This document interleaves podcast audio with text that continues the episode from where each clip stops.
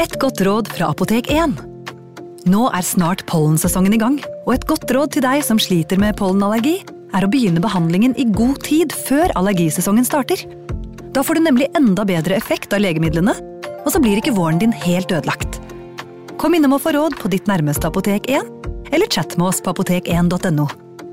Apotek 1 vår kunnskap, din trygghet.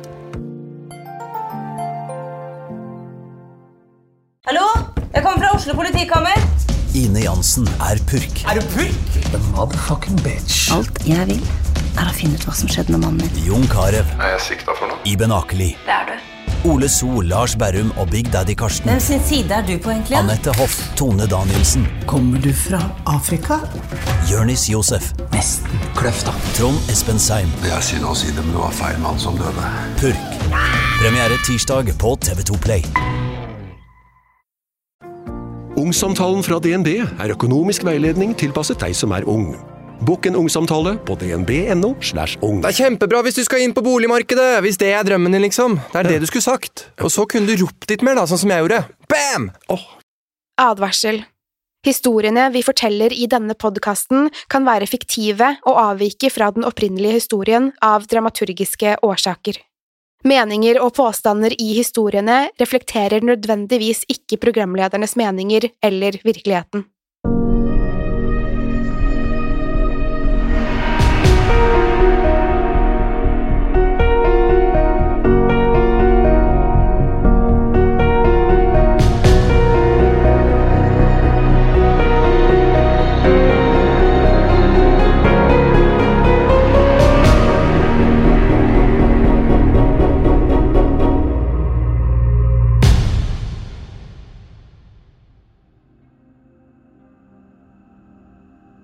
Vi var overlykkelige da vi flyttet inn i det nye huset.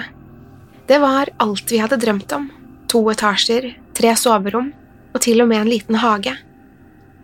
Huset lå i et stille boligområde, som var akkurat det vi var ute etter. Med en fire år gammel jente og barn nummer to på vei hadde vi vokst ut av den gamle leiligheten. Det var deilig å faktisk puste frisk luft og slippe å høre på bråk fra mennesker og trafikk hele natten. Det var stort sett små eneboliger som lå på rekke og rad. De fleste husene lå langs en rolig vei som ledet til en liten rundkjøring i enden. Boligen lå i naturskjønne omgivelser, og det var nok dette som fikk oss til å forelske oss i huset. Vi hadde utsikt over en innsjø, og like ved rundkjøringen var det en liten skog. Den var ikke stor, men den var nok til å utforske for en nysgjerrig fireåring. Det beste med det hele var prisen. Det var nesten for godt til å være sant. Vi hadde ikke så mye å rutte med, så vi fikk nesten bakoversveis da vi oppdaget denne boligen. Vi la inn et skambud, og til vår overraskelse ble det akseptert umiddelbart. Selgeren prøvde ikke engang å forhandle med oss. Jeg vet ikke hva årsaken var, men jeg tenkte at det kanskje var et resultat av en tøff skilsmisse. Selgeren hadde det i hvert fall travelt med å komme seg av gårde. Han hadde allerede tømt huset, og sa vi kunne overta boligen med umiddelbar virkning. Ingrid ble med en gang litt skeptisk, men jeg valgte å se på dette som et resultat av god karma. Gode ting kommer til den som venter, sa alltid faren min. Endelig var det vår tur til å oppleve litt medgang. De nye naboene våre var hyggelige og imøtekommende. Vel, alle, bortsett fra én. Det bodde nemlig en gammel mann i huset ovenfor vårt, som tydeligvis hadde et dårlig rykte. Hei, velkommen til området, begynte alle samtalene. Deretter fulgte korte blikk mot det falleferdige huset. Har dere hilst på herr Müller? Nei, ikke foreløpig, svarte jeg mens jeg ventet på at de skulle utdype. Jeg ville holdt meg unna det huset hvis jeg var dere. Jeg så på dem med et spørrende blikk, men de sa aldri noe mer. Så snart de hadde sagt dette, hastet de videre. Jeg ble umiddelbart fascinert av den gamle mannen. Alle husene i området var i god stand, mens hans bolig var i ferd med å falle fra hverandre. Malingen hadde for lengst frellet av veggene, og flere av vinduene var knust. Treplanker hadde falt av fasaden, uten noe forsøk på å reparere skadene. Det var også noe med utseendet hans som fikk meg til å grøsse. Jeg så riktignok han bare én gang, rett etter at vi flyttet inn. Han var krokrygget og syltynn. Den tynne, hvite huden hang løst over et benete skjelett, og han var knapt i stand til å gå. Han var helt skallet på toppen av hodet, men på sidene hang det noen tynne fjoner med hvitt hår. Hvis han ikke hadde beveget på seg, kunne man nesten trodd han allerede var død. Likevel var det måten de andre omtalte han som virkelig hadde fanget interessen min. Det virket som at alle var redde for herr Müller. De økte tempoet da de gikk forbi huset, og passet på at barna holdt seg langt unna. Det gikk nesten ett år, og datteren min skulle snart fylle fem år. Hun hadde blitt en livlig og eventyrlysten jente som gjorde hva enn hun selv ønsket. Hvis jeg ble distrahert i et øyeblikk, kunne hun løpe ut døren og dra på en av sine oppdagelsesferder. Jeg fant henne stort sett i nærheten, men jeg likte ikke at hun stakk av på den måten. Vi hadde nå en seks måneder gammel unge, så det var mer enn nok å holde styr på. Det var kveld, og jeg var alene med barna. Konen min hadde tatt fri og var nå på en velfortjent jentekveld. Det var styrete nok å få en av dem i seng, og denne kvelden var begge helt umulige. Sønnen min skrek av full hals, men ingenting så ut til å roe han. Jeg ga ham flaske, forsøkte å rape han og tok utallige knebøy. Likevel fortsatte bare skrikingen. Datteren min fløy som vanlig rundt og ville at jeg skulle følge med på henne. Jeg satt på TV-en og ba barna sitte rolig i fem minutter. Motvillig satte hun seg ned i sofaen og festet blikket på skjermen. Klokken var nesten ti. Det var flere timer siden leggetid, og jeg lå langt bak skjema. Jeg måtte fremdeles bade babyen før jeg passet på at datteren min pusset tenner og tok på seg pysjen. Badingen gikk overraskende greit. Babyen kavet med både armer og bein, men sluttet i det minste å gråte. Innen jeg hadde tatt på en ny bleie, hadde han allerede sovnet. Jeg ropte at datteren min skulle skru av TV-en og komme ned til badet, men jeg fikk ikke noe svar. Jeg ropte igjen, men heller ikke denne gangen svarte hun. Hadde hun kanskje sovnet på sofaen? Jeg gikk for å undersøke og oppdaget at stuen var tom. TV-en var fremdeles på, men jeg kunne ikke finne datteren min noe sted. Jeg kikket meg rundt og så på utgangsdøren som sto åpen. Hun hadde selvfølgelig bestemt seg for å dra på oppdagelsesferd. Jeg ble egentlig mer irritert enn jeg ble redd. Jeg begynte tross alt å bli ganske vant til disse utfluktene hennes. Det var først nå jeg tenkte at det både var mørkt og det var kaldt. Hun hadde bare på seg shorts og en tynn genser og var på ingen måte kledd for å være utendørs. Forhåpentligvis hadde hun ikke kommet seg langt av gårde.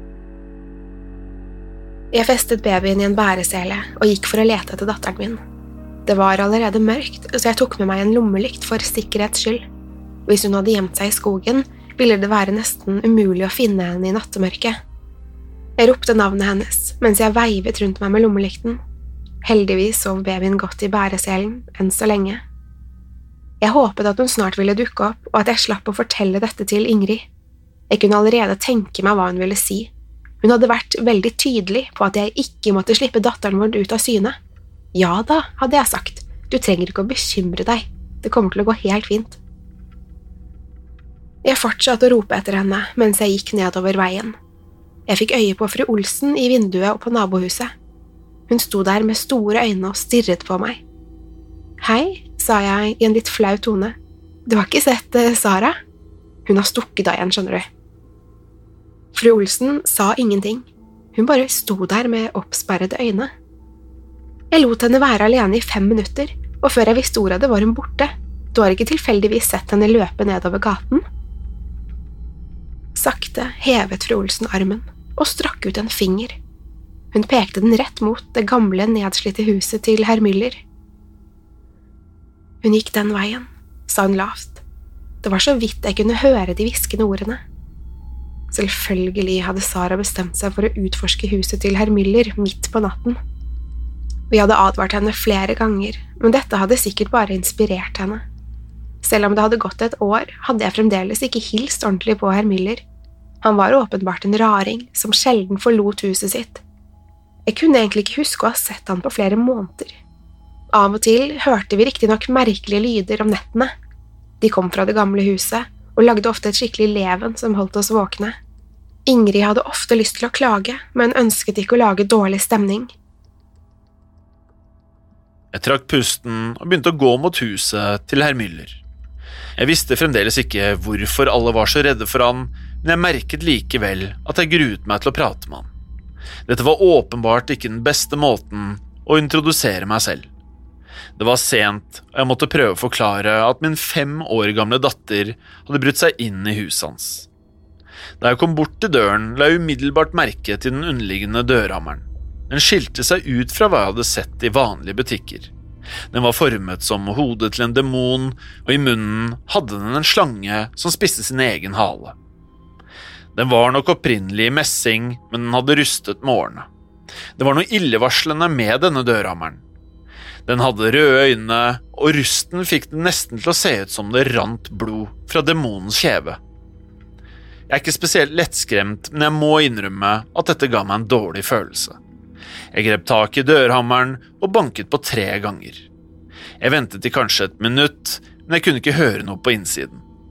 Jeg tok et nytt åndedrag før jeg igjen banket på døren. Heller ikke denne gangen var det noen respons. Da jeg banket på en tredje gang, beveget døren seg. Det var ingen på den andre siden, men den råtne døren sto nå på gløtt. Jeg forsøkte å titte inn, men kunne ikke se noe i den mørke gangen. Hallo, er det noen hjemme? ropte jeg inn i dørsprekken. Heller ikke denne gangen fikk jeg noe svar. Vanligvis ville jeg ikke vært så påtrengende, men datteren min var tross alt savnet. Jeg strakk ut armen og dyttet til døren så åpningen ble større. Nå kunne jeg se litt mer av hva som skjulte seg på innsiden. Huset var fullstendig strippet for møbler. Det var verken spisebord eller sofa noe sted. Man skulle nesten tro at huset var forlatt. Jeg hadde ikke sett herr Müller på lenge, men hadde heller aldri sett noen flyttebiler utenfor huset hans. Utålmodig dyttet jeg døren helt opp og gikk inn i huset.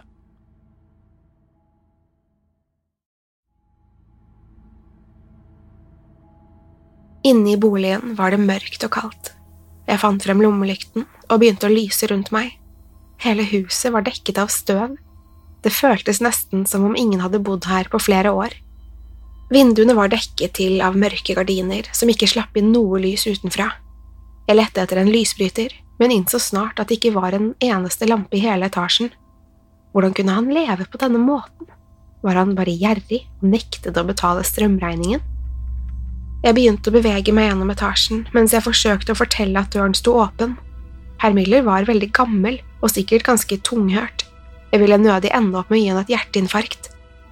Jeg fant riktignok ikke noe tegn på at han var i huset. Jeg hadde utforsket hele første etasje, og jeg begynte å lure på om herr Müller hadde forsvunnet. Jeg ropte igjen etter Sara, men jeg fikk ikke noe svar. Hun var jo veldig glad i å leke gjemsel, og pleide aldri å avsløre hvor hun gjemte seg. En gang endte jeg opp med å lete etter henne i nesten to timer. Jeg innså at jeg var nødt til å gå opp i andre etasje. Selv om første etasje var tom, måtte det vel i det minste være en seng på soverommet. Men heller ikke i andre etasje var det noen antydning til at herr Müller faktisk bodde her. Babyen ga fra seg et klynk i bæreselen, og jeg tok noen kjappe knebøy for å roe han. Jeg forsto ikke hva som foregikk, og var i ferd med å forlate huset. Det var ingen møbler og ingen steder å gjemme seg. Jeg bestemte meg for å lete etter Sara et annet sted. Da jeg gikk ned trappen, hørte jeg et smell. Det kom nedenfra, selv om jeg nå befant meg i første etasje. Det var merkelig, tenkte jeg. Jeg ante ikke at huset hadde en kjeller. Hvor i all verden kom den lyden fra? Jeg begynte å lete rundt i etasjen etter en dør eller trapp. Mens jeg vandret rundt, snublet jeg i en teppekant på gulvet. Teppet var gammelt og støvete og gikk nesten i ett med treverket. Jeg bøyde meg ned og dro det til side. Under teppet var det en luke. Hadde det ikke vært for Sara, ville jeg ikke ha fortsatt, men jeg hadde ikke noe valg i denne situasjonen. Når din fem år gamle datter er forsvunnet, er man ikke lenger styrt av verken logikk eller fornuft. Jeg åpnet luken og oppdaget en stige som ledet ned i den mørke kjelleren. Jeg liker ikke å innrømme det, men jeg har alltid vært litt mørkredd. Det føltes som en dårlig idé å klatre ned i kjelleren, særlig med en baby på magen. I et lite øyeblikk vurderte jeg å avslutte leteaksjonen og heller ringe politiet. For hvert minutt som gikk, ble det stadig mer sannsynlig at noe kunne skje med Sara. Jeg var i ferd med å lukke igjen luken da jeg hørte et nytt smell etterfulgt av et høyt skrik. Hjertet mitt stanset. Det var et lyst, høyfrekvent rop som bare en ung jente kan produsere. Jeg innså at Sara var nede i kjelleren. Før jeg visste ordet av det, hadde jeg grepet tak i stigen og begynte å klatre ned i mørket. Jeg var både stiv og klønete og passet på at babyen ikke skulle bli klemt. Jeg holdt lommelykten i munnen, men det var uansett ikke mulig å se noe. Stigen var overraskende lang. Det var ingen vanlig kjeller. Jeg befant meg nå flere meter under jorden. Da jeg endelig var nede, var jeg andpusten. Heldigvis hadde sønnen min et godt sovehjerte, og han lå fremdeles fredelig i bæreselen. Jeg lyste rundt meg og så at jeg befant meg i en lang korridor. Den virket eldre enn resten av huset. Gulvet var av brostein og fikk det til å ligne en katakombe. Jeg lyste med lommelykten, men jeg kunne ikke se enden av gangen. Jeg hadde ingen anelse om hvor langt innover den strakk seg, men i det fjerne kunne jeg se en svak flamme. Jeg ropte etter Sara uten å få noe svar. Jeg hadde ikke noe annet valg enn å begynne å gå. Jeg fortsatte å rope mens jeg gikk nedover korridoren. Jeg må innrømme at jeg var ganske redd. Under vanlige omstendigheter hadde jeg snudd for lenge siden. Det føltes unaturlig å tiltrekke meg oppmerksomhet i denne situasjonen, men jeg var nødt til å finne Sara. Hun var kanskje tøffere enn meg, men selv hun ville nok blitt redd i denne situasjonen. Da jeg hadde gått en stund, hørte jeg merkelige lyder. Det hørtes først ut som ekko av fottrinn, men det var noe som ikke stemte. Snart kunne jeg se at det var festet en fakkel til veggen foran meg. Jeg hadde sett den svake flammen hele veien, og dette var den eneste lyskilden i hele kjelleren. Korridoren splittet opp i ulike retninger og ledet inn i nye, lange ganger. Konstruksjonen lignet nesten på en labyrint. Likevel var det noe som trakk meg mot flammen. Da jeg kom nærmere, begynte jeg å høre flere lyder. Fottrinnene ble akkompagnert av en slags hvesing og merkelige gurglelyder. Jeg begynte å jogge og nådde snart frem til enden av korridoren. Fakkelen var festet til veggen ved siden av en massiv jerndør. Smidd inn i jernet var den samme figuren som på dørhammeren. Det var hodet til en demon, og i munnen holdt den en slange som spiste sin egen hale. Dørhammeren hadde gitt meg frysninger, men nå var jeg livredd. Hva var dette for en slags kjeller? Jeg hadde gått flere hundre meter og måtte være langt unna huset til herr Müller. Hvis min retningssans er korrekt, burde jeg vært omtrent midt mellom husene våre. Det føltes som en forferdelig idé, men jeg bestemte meg for å banke på døren. Jeg vet ikke helt hva jeg ventet meg. Dette var åpenbart noe annet enn å banke på hos en vennlig nabo. Da jeg banket på døren, brøt helvete ut på andre siden. Jeg hørte smell og høye skrik som ikke hørtes menneskelig ut. Jeg tok et steg tilbake, da jeg endelig hørte Saras stemme. Pappa, sa hun med en forsiktig stemme. Jeg er her inne. Uten å tenke meg om grep jeg tak i det fryktinngytende håndtaket og rev opp døren. Jeg kjente en merkelig følelse i hele kroppen da jeg grep tak i jernslangen. Først var det en kribling, men snart føltes det som om hånden min brant. I håndflaten min var det nå et stort merke. Jeg hadde ikke tid til å fokusere på smerten. Datteren min var i fare, og det var det eneste som betydde noe. Jeg vet ikke hva jeg ventet å finne på den andre siden av døren, men ingenting kunne forberede meg på synet som møtte meg. Det lignet et stort gravkammer. Gulvet og veggene var av gammel stein, og midt i rommet sto det en massiv sarkofag. Den var åpen, og lokket var skjøvet til siden. Langs veggene var det flere fakler som kastet et svakt lys over rommet. Sara satt sammenkrøllet foran sarkofagen med hendene i håndflatene. Hun hevet så hodet da jeg ropte ut navnet hennes. Tårene rant nedover ansiktet hennes, hun var åpenbart livredd. Jeg begynte å gå mot henne da jeg innså at vi ikke var alene i rommet. I skyggen i et av hjørnene så jeg to røde øyne. Jeg stanset og forsøkte å forstå hva jeg så. Jeg kunne se et svakt omriss, men det lignet verken dyr eller menneske.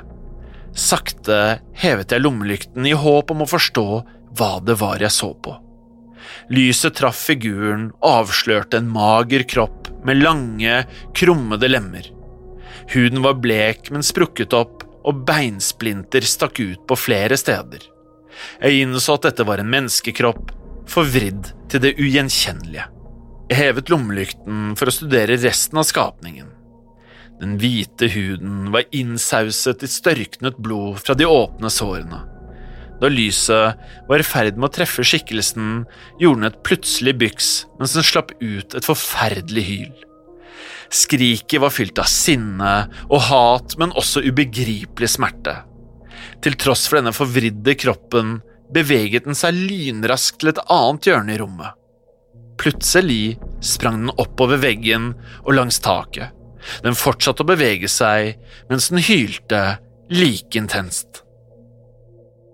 Først virket det som om skapningen beveget seg helt vilkårlig, men jeg forsto snart hva den gjorde. Én etter én begynte den å slukke faklene. Rommet hadde enn så lenge vært godt opplyst, men snart var lommelykten min eneste lyskilde. Jeg grep tak i Sara og løftet henne opp på ryggen min. Det var ikke enkelt å løpe med en femåring på ryggen og en baby på magen, men det var ikke aktuelt å bli værende et sekund lenger. Heldigvis var det bare å løpe i en rett linje. Hadde jeg rotet meg inn i labyrinten, ville jeg kanskje aldri funnet veien ut igjen. Jeg kunne ikke se stigen, men jeg visste at den bare var noen hundre meter unna. Jeg hadde ikke rukket å tenke på det, men smerten i hånden min ble stadig mer intens. Det føltes fremdeles som om den brant, men nå begynte det å spre seg oppover armen. Merket i håndflaten så også ut til å vokse. Jeg måtte komme meg til legevakten så fort som mulig, men først måtte jeg komme meg ut av denne kjelleren. Jeg kunne se stigen fremfor meg og kjente en enorm lettelse. Samtidig hørte jeg noe bevege seg bak meg. De umenneskelige hylene kom stadig nærmere. Skapningen hadde fulgt etter oss og var i ferd med å ta oss igjen. Jeg merket at noe passerte over meg i en ubegripelig hastighet. Da jeg igjen lyste mot stigen, sto skikkelsen der og blokkerte veien. Jeg stanset og kjente at hjertet hamret i brystet. Skapningen sto rett foran oss og blokkerte vår eneste sikre utvei. Jeg hevet igjen lommelykten. Nå kunne jeg se skapningen bedre. Den var unektelig menneskelig, men forvridd til det ugjenkjennelige men det var ansiktet som virkelig var forstyrrende. I likhet med resten av kroppen var det forvridd, men det var samtidig gjenkjennelig. Lange, hvite fioner av hår hang fra den skjellaktige huden. Øynene hans var hvite, og det virket ikke som han kunne se oss. Det var herr Müller som sto foran meg. Synet var fryktinngytende, men det var samtidig noe sørgmodig over ansiktet hans. Det så ut som at kroppen hans var i ferd med å kollapse mens han vred seg i smerte. I et øyeblikk følte jeg litt sympati for denne skrekkelige skapningen. Men før jeg visste ordet av det, glefset han til og avslørte sine store hoggtenner. Han angrep oss ikke umiddelbart, det virket nesten som en del av han forsøkte å kjempe imot. Det føltes som at han var i strid med seg selv. Den ene delen ønsket å bykse mot oss og rive oss i fillebiter, mens den andre, menneskelige delen, holdt igjen. Jeg forsto at vi ikke ville komme oss ut via stigen. Vi hadde ikke så mange muligheter. Enten kunne vi returnere til gravkammeret og barrikadere oss på innsiden, eller så måtte jeg forsøke å finne en annen utvei. Det første alternativet hørtes ut som en dødsdom. Det andre tilbød i hvert fall et lite håp. Jeg tok et par steg bakover og satt på sprang. Jeg visste uansett ikke hvor jeg var på vei, så jeg valgte bare første vei til høyre. Også denne korridoren strakk seg flere hundre meter for jeg måtte velge en ny retning. Etter en stund begynte jeg å miste oversikten over hvor jeg var. Jeg stanset et øyeblikk for å gjenvinne pusten. Det var helt stille nå. Jeg hørte verken fottrinn eller de forferdelige skrikene. Jeg la pekefingeren mot munnen for å indikere at vi måtte være helt stille. Det virket som at skapningen var blind, så kanskje vi var trygge så lenge vi ikke lagde en eneste lyd. Og slik ble vi stående et øyeblikk. Jeg forsøkte å legge en plan, men jeg hadde ingen anelse om hva vi skulle gjøre. Plutselig hørte jeg et høyt skrik. Men denne gangen var det ikke monsteret som hylte. Det var sønnen min som plutselig våknet. Han skrek høylytt etter mat og brydde seg ikke om at vi flyktet for livet. Jeg forsøkte å roe han ned, men jeg visste at det var håpløst. Det var ikke noe annet enn melk som kunne trøste han nå. I løpet av noen få sekunder kunne jeg høre fottrinnene som nærmet seg, og hylene fra skapningen ble stadig høyere. I det øyeblikket innså jeg hva jeg måtte gjøre. Jeg tok babyen ut av bæreselen og ga han til Sara. Jeg så på henne med et bestemt blikk. Tror du at du kan finne ut veien herfra på egen hånd? spurte jeg. Hun nølte før hun nikket forsiktig. Pass godt på broren din. Jeg ga henne et kyss på pannen før jeg reiste meg opp. Jeg slapp ut et høylytt brøl før jeg begynte å løpe i retning av skapningen. Jeg vet ikke hvor lang tid som har gått. Uker, måneder, kanskje år. Skapningen lot meg leve. Den var i ferd med å rive meg i stykker da den så merket på armen min. Den stanset og så på meg i nesten medlidenhet. Jeg kunne ikke begripe hva som hadde stanset han, men snart ga alt mening. Jeg forsto raskt at kroppen min holdt på å forandre seg. Smerten var uutholdelig, mens bena begynte å vri seg om i kroppen min. Jeg ville komme meg ut av kjelleren, men føttene sviktet da jeg forsøkte å reise meg. Skjelettet krummet seg, og bena begynte å penetrere huden. Det var en lang prosess som jeg ikke hadde noen kontroll over. Samtidig som kroppen min forandret seg, kom sulten. Tanken på mat gjorde meg riktignok kvalm. Det var kun én ting som fristet. Jeg tørstet etter blod. Jeg har lenge forsøkt å stå imot, men jeg vet ikke hvor lenge jeg klarer å holde ut. Jeg er sikker på at en liten matbit er alt som skal til for å lindre smerten.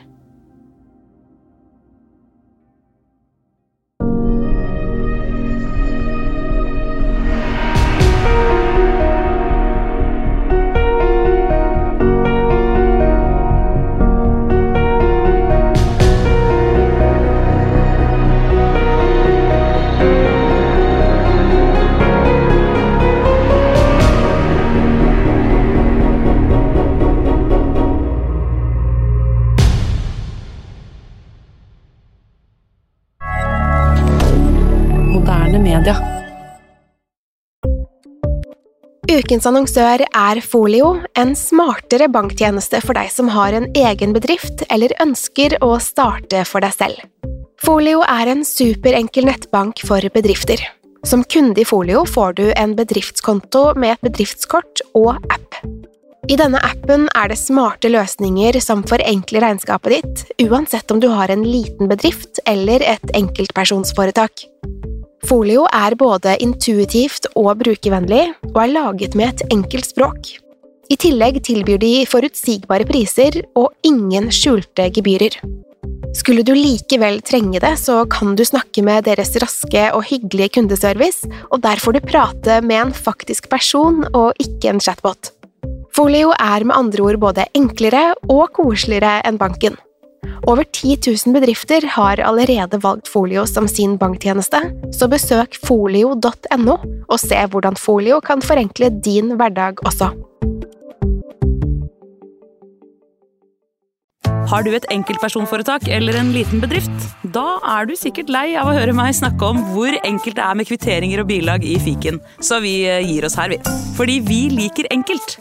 Fiken superenkelt regnskap.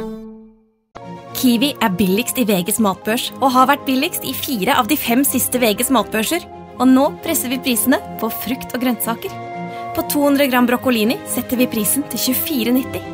På 400 gram Cevita blåbær setter vi prisen til 49,90. Og husk, alle Kiwi Pluss-kunder får i tillegg 15% trumfbonus på all fersk frukt og grønt. For det er vi som er prispresserne. Og vi i Kiwi gir oss aldri på pris.